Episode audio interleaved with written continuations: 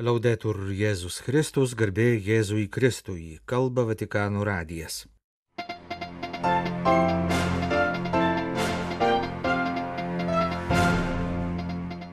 Popiežius priėmė Madagaskaro prezidentą. Popiežiaus valstybės sekretorius tęsė vizitą Pietų Sudane. Išpoliai prieš krikščionys Pakistane. Per palenkės Dievo motinos paveikslo vainikavimo 300 metų sukaktį buvo meldžiamasi už taiką Ukrainoje. Prancūzijoje minima nacionalinių piligrimyščių į Lurdo šventovę 150 metų sukaktis.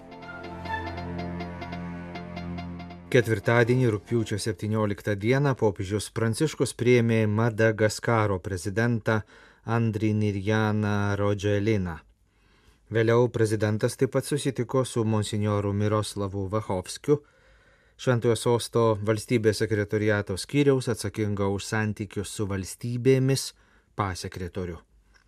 Kaip informuoja oficialus Šventojo sosto spaudos salės komunikatas, per susitikimus buvo kalbama apie gerai besiklostančius dvišalius santykius, taip pat apie katalikų bažnyčios indėlį įvairiuose Madagaskaro visuomenės gyvenimo srityse. Buvo taip pat aptarti įvairūs taptautiniai klausimai kalbėta apie karą Ukrainoje ir jo pasiekmes pasauliui, krizinės situacijas turinčias įtakos Afrikos žemynui. Popiežius Pranciškus lankėsi Madagaskare 2019 m. rugsėjo mėnesį. Popiežiaus valstybės sekretorius kardinolas Pietro Parolinas tęsia vizitą Pietų Sudane. Antradienį aukojęs švenčiausiosios mergelės Marijos emimo į dangų iškilmės mišes Malakalio viskupijos katedroje, trečiadienį susitikę su tame mieste, šiaurinėje šalies dalyje, prieglopsti gavusiais karo pabėgėliais iš Sudano, ketvirtadienį kardinolas atvyko į buvusią laikinąją Pietų Sudano sostinę Rumbeko miestą. Ši teritorija kolonializmo laikais priklausė Didžiajai Britanijai, vėliau įėjo į Britams praktiškai pavaldžios Egipto karalystės sudėtį, praėjusio šimtmečio šeštajame dešimtmetyje susikūrė nepriklausoma Sudano valstybė, kurios šiaurinėje dalyje gyventojų daugumą sudarė musulmonai, pietinėje krikščionys ir tradicinių animistinių Afrikos religijų išpažinėjai. Nuo 1982 metų daugiau kaip du dešimtmečius tarp Sudano pietų ir šiaurės vyko pilietinis karas, per kurį žuvo daugiau kaip milijonas žmonių. Hartumo valdžia 2005 metais pripažino Pietų Sudano autonomiją. Tačiau liko daug atvirų klausimų, nesugebėta pasidalinti prieiga prie gamtos resursų. Galiausiai 2011 metais buvo įkurta nepriklausoma Pietų Sudano valstybė. Deja, labai greitai, jau 2013 metais prasidėjo naujas pilietinis karas tarp pačių Pietų Sudano gyventojų kuris buvo užbaigtas tik 2019 metais tarptautinės bendruomenės, o taip pat katalikų ir anglikonų bažnyčių tarpininkavimo dėka. Tų metų balandžio mėnesį Vatikane įvyko Pietų Sudano politinių lyderių susitikimas, kuriame dalyvavo ir šalies katalikų bei anglikonų vyskupai. Didelio atgarsio sulaukė nepaprastas daugelį nustebinęs popiežiaus pranciškaus gestas. Jis atsiklaupęs pabučiavo kojas Pietų Sudano prezidentui ir viceprezidentams. Jūs, kurie pasirašėte taikos sutartį, aš prašau kaip brolis, pasilikite taikoje. Prašau jūs iš visos širdies. Eikite pirmin, bus daug problemų, tačiau nebijokite. Eikite pirmin, spręskite problemas. Ta kart kalbėjo popiežius. Sudano pilietinis karas, vėliau Pietų Sudano pilietinis karas, sukėlė didžiulės pabėgėlių bangas. Dabar vidinis konfliktas įsiplieskė ir Šiaurės Sudane, iš kurio į Pietų Sudaną pasitraukė ne mažiau kaip 200 tūkstančių žmonių. Būtent su šiais pabėgėliais trečiadienį susitiko kardinolas Parolinas. Jo lankytame prie Pietų Sudano sienos su Sudanu esančiame Malakalio mieste, įkurtoje pabėgėlių stovykloje yra prisiglaudę maždaug 35 tūkstančiai žmonių.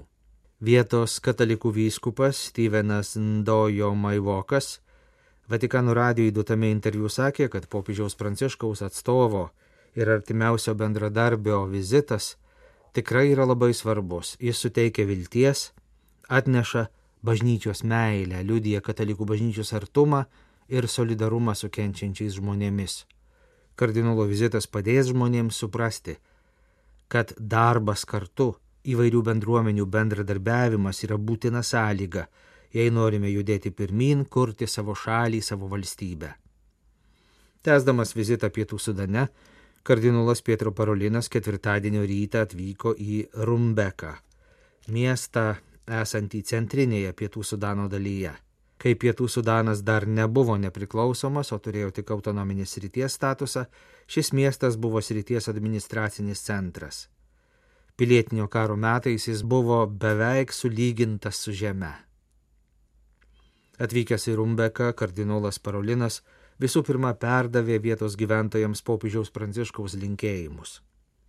Taip pat buvo paminėtas paties popiežiaus vizitas šių metų vasario mėnesį.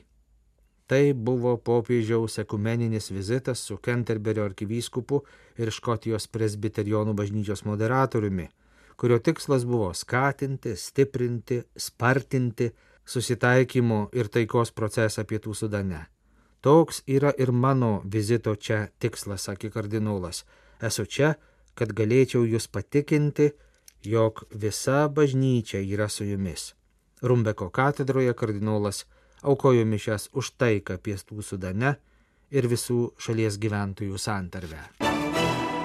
Penkios bažnyčios sudegintos, nuo kitų bažnyčių stogų nuplėšti kryžiai, išniekintos kapinės, krikščionys priversti bėgti iš namų, persekiojami ir mušami, grobiami vertingi daiktai.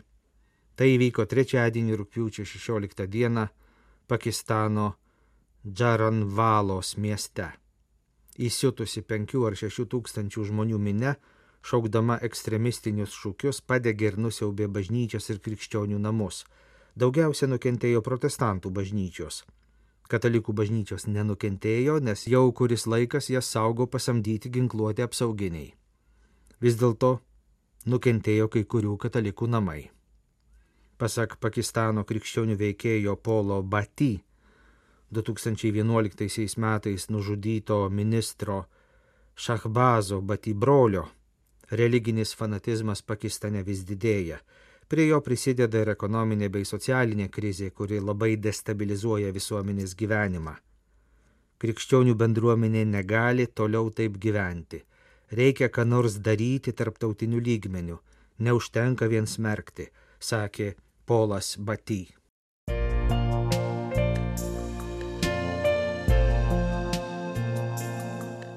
Jūs klausotės Vatikano radio. Tęsėme žinių laidą lietuvių kalba.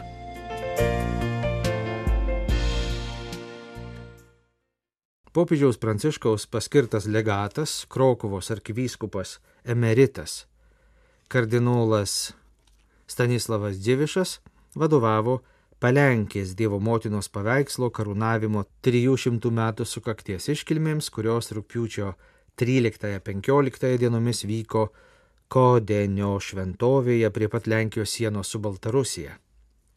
Pagrindinę jubiliejaus dieną, rūpiučio 15-ąją, aukodamas švenčiausiosios mergelės Marijos ėmimo į dangų iškilmės mišes, kardinolas Dživišas visų pirma meldė taikos Ukrainai ir visam pasauliui. Prašykime ramybės savo širdyse, nes juose viskas prasideda. Karštai prašykime taikos pasaulyje, sakė kardinolas Mišių homilijoje. Melskime taikos karalienę taikos. Matome, prie kokios tragedijos privedė stapmeldiška vadinamojo rusų pasaulio ideologija, atimanti iš mūsų brolių ir seserų Ukrainoje jų žemę, teisę į gyvenimą, kalbą ir kultūrą, siejanti mirtį ir destrukciją, kelianti dar didesnio kataklizmo baimę. Negalime susitaikyti su tuo, kas šiandien vyksta Europoje viso pasaulio akise broliai slavai negali kovoti vieni su kitais. Jie negali žudyti vieni kitų, negali sėti destrukcijos, negali dauginti kančių. Kaino ranka turi būti sustabdyta. Neapykantai, smurtui ir brolų žudiškam karui turi būti padarytas galas, gana lieti kraują. Kardinolas meldė Dievo motiną, kad parodytų kelią į susitaikymą ir taiką. Kartu su popiežiumi Pranciškumi atiduokime žmonijos ateitį į Marijos taikos karalienės rankas. Kodinio švenčiausiosios mergelės Marijos šventovės istorija siekia XVII amžiaus pirmąją pusę. Tuometinis šios vietovės prie Bugo upės savininkas, kunigaikštis Mykolas Sapiega, vadinamas pamaldžiuoju, Brastos ir Minsko vaivada, Lietuvos kariuomenės vadas, sunkiai susirgo ir norėdamas atgauti sveikatą 1631 metais išvyko į piligriminę kelionę į Romą. Per mišes, į kurias jį pakvietė popiežius Urbonas VIII, jis atgavo sveikatą. Kunigaikštis suprato, kad stebuklingas pagėjimas tai atsakas į jo maldą prie Dievo motinos paveikslo, kuris buvo popiežiaus koplyčioje. Kunigaikštis maldavo popiežių, kad jis tą paveikslą jam padovanotų, tačiau popiežius kategoriškai atsisakė. Tuomet Mykolas Sapiega paveikslą pavogė ir parsivežęs į savo valdas prie Bugo upės pakabino statomoje naujoje bažnyčioje. Popiežius ekskomunikavo kunigaikštį dėl akiplėšiškos vagystės, tačiau po keliarių metų vagis nuvyko į Romą, atliko atgailą ir gavo popiežiaus atleidimą. Sužinojęs, kad naujoje vietoje paveikslą lanko žmonės ir prieš jį meldžiasi, popiežius sutiko, kad jo paveikslas ten ir pasiliktų. Taip gimė Palenkės Dievo motinos šventovė. Rūpiučio 11-16 dienomis Liurdė labiausiai lankomoje Dievo motinos šventovėje Prancūzijoje ir Europoje įvyko jubiliejinė 150-oji nacionalinė piligrimystė. Kulminacinė piligrimystės diena buvo žinoma rūpiučio 15-oji - švenčiausiosios mergelės Marijos dangų nimimo arba žolinės iškilmė. Per 20 tūkstančių iškilmės dalyvių buvo perskaitytas ir popiežiaus pranciškaus sveikinimas. Reikia žinoti, kad Prancūzijos nacionalinė piligrimystė nėra vien kelionė į šventovę ir atgal į namus, bet ir tikra istorinė bei organizuota tradicija, kuri apima šimtus organizatorių, tūkstančius savanorių, nakvynės punktus, taip pat dvasinio pasirinkimo, kaip kad nuvenos kalbėjimas, būdus. Prancūzijos nacionalinė piligrimystė jau pusantro amžiaus tradiciškai rūpinasi Augustinų asumcionistų ordinas Assumption reiškia ėmimas dangun. Įsteigtas 1845-aisiais. Ir dabartinis nacionalinės piligrimystės direktorius yra asumcionistas tėvas Vincentas Kabanakas. 150 metų nacionalinės piligrimystės sukaktis yra tinkama proga atsigręžti praeitį. Sukakčiai skirtame dokumentinėme filme tėvas Patrikas Zago Asumcionistų archivaras pasakoja apie pirmąją nacionalinę piligrimystę surenktą 1872 metais. Šios piligrimystės kontekstas labai susijęs su politiniais ir socialiniais sukretimais bei virsmais Prancūzijoje ir Italijoje. Prancūzija vis dar draskoma pasidalymo tarp monarchijos ir respublikos šalininkų 1870-aisiais patyrė triuškinantį pralaimėjimą prieš Prūsiją, taip pat teritorijų netekimą.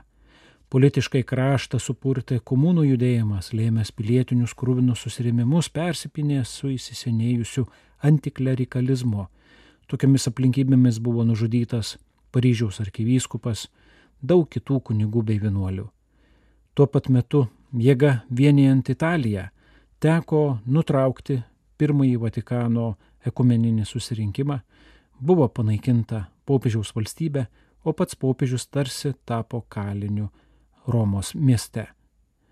Tokiame įtemptame, slegiančiame ir painėme kontekste daugybė katalikų jautė troškimą maldoje išlieti susirūpinimą, bet ne vien savo širdyje ar savo kambaryje, daug kas jautė bendruomeninio ir viešo gesto poreikį. Kvietimas į nacionalinę piligrimystę inicijuotas būtent asumcionistų ir tapo atsakymu į tokį poreikį. Pirmoji nacionalinė piligrimystė, primina tėvas Zako, įvyko ne Liurde, bet Lesalet, Dievo motinos šventovėje Alpių papėdėje. Iki mergelės Marijos apsiriškimų Liurde būtent ši šventovė buvo žinomiausia ir labiausiai lankoma. Pamačius, kiek daug tikinčiųjų atsiliepė į kvietimą, 1873 m. Liepos antroje pusėje įvyko antroji nacionalinė piligrimystė, šį kartą jau Liurde, Pireinų kalnų papėdėje, kur vyksta iki šiol. Šiuose pirmosiuose piligrimystėse, primena asumcionistų istorikas, vyravo maldavimas, kad bažnyčia ir pati Prancūzija išplauktų per neramius istorijos vandenis, o tikintieji veiktų sukretimus. Bet netrukus piligrimystė Liurdė įgyjo kitų bruožų ir kitų funkcijų. Viena iš žinomiausių be abejo yra speciali ligonių globa. Nors šiandien Liurdo pavadinimas tarsi natūraliai siejasi su ligoniais, užregistruota dešimtis oficialių išgyjimo stebuklų ir tūkstančiai privačių išgyjimo bei malonių deklaracijų, ši piligrimistės paskirtis dar kartą primena tėvas Vincentas Kabanakas, nacionalinės piligrimystės direktorius atsirado ne pirmose piligrimystėse, o šiek tiek vėliau. Apsiriškimo laikotarpis liurdė susijęs su pagyjimais, bet pati mergelės Marijos žinia neišskeria ligonių, bet kalba apie Dievo garbinimą ir Dievo karalystę. Būtent apie tai, kaip ir Evangelija, viešpatės stebuklai ir pagydymai visada susiję su tikėjimo pažadinimu ir asmenų kreipimu pas tėvą. Dievo karalystė, gyvenimas su Dievu yra kažkas daugiau už fizinę sveikatą. To nereikia išleisti iš akių prašant pagyjimo. Džiaugiuosi, kad daug jūsų ištikimi ilgai liturginiai ir pamaldumo tradicijai čia ir kitose Prancūzijos katedrose ar parapijose maldoje kreipiasi į Dievo motiną su vaiko pasitikėjimu, kuris niekada nenuvilia. Raginu ganytojus nuolat puoselėti ir stiprinti meilę bei švelnumą, kuriuos tikintieji jaučia savo mylimai glubėjai, ypač dėgiant arba iš naujo atrandant paplitusius pamaldumo veiksmus, kaip kad gražiasias rūpiučio 15 dieną rengiamas procesijas, kurių tradicija jūsų šalyje tęsiasi jau beveik 400 metų. Pažymima popiežiaus žinioje, perskaitytoje pagrindinėse žolinių ir 150-osios nacionalinės piligrimystės mišiuose Liurde. Pasauliui, o atskirai Prancūzijai, kuri buvo iškilmingai pašvesta Marijai, šio pašventimo negalima panaikinti, kaip niekada reikia Marijos globos dabartinių sunkumų, rūpeščių ir iššūkio akivaizdoje. Ryštingai atsigręžkime į ją, nes ji mūsų motina, o mes jos vaikai, pridūrė savo žiniuje Pranciškus, melzdamas, kad taikos karalienė maldytų ginklų žvangėsi, žmonių širdise žadintų brūlybę, saugotų tėvus, kurie neša didelę atsakomybę ir jų vaikus, kad jie išskleistų savo potencialą.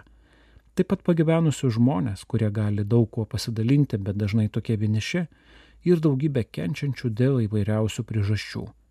Ir negaliu nepaminėti visų ligonių ir neįgaliųjų, kurie visada taip gausiai atvyksta į Liurdą ieškoti Marijos paguodos ir kurie kartu su juos lydinčiaisiais iškalbingai liudija pasauliui tikėjimą ir meilę. Visus juos nuolat laiminu, rašė popiežius šiemetinės nacionalinės jubiliejinės piligrimystės Liurdė dalyviams.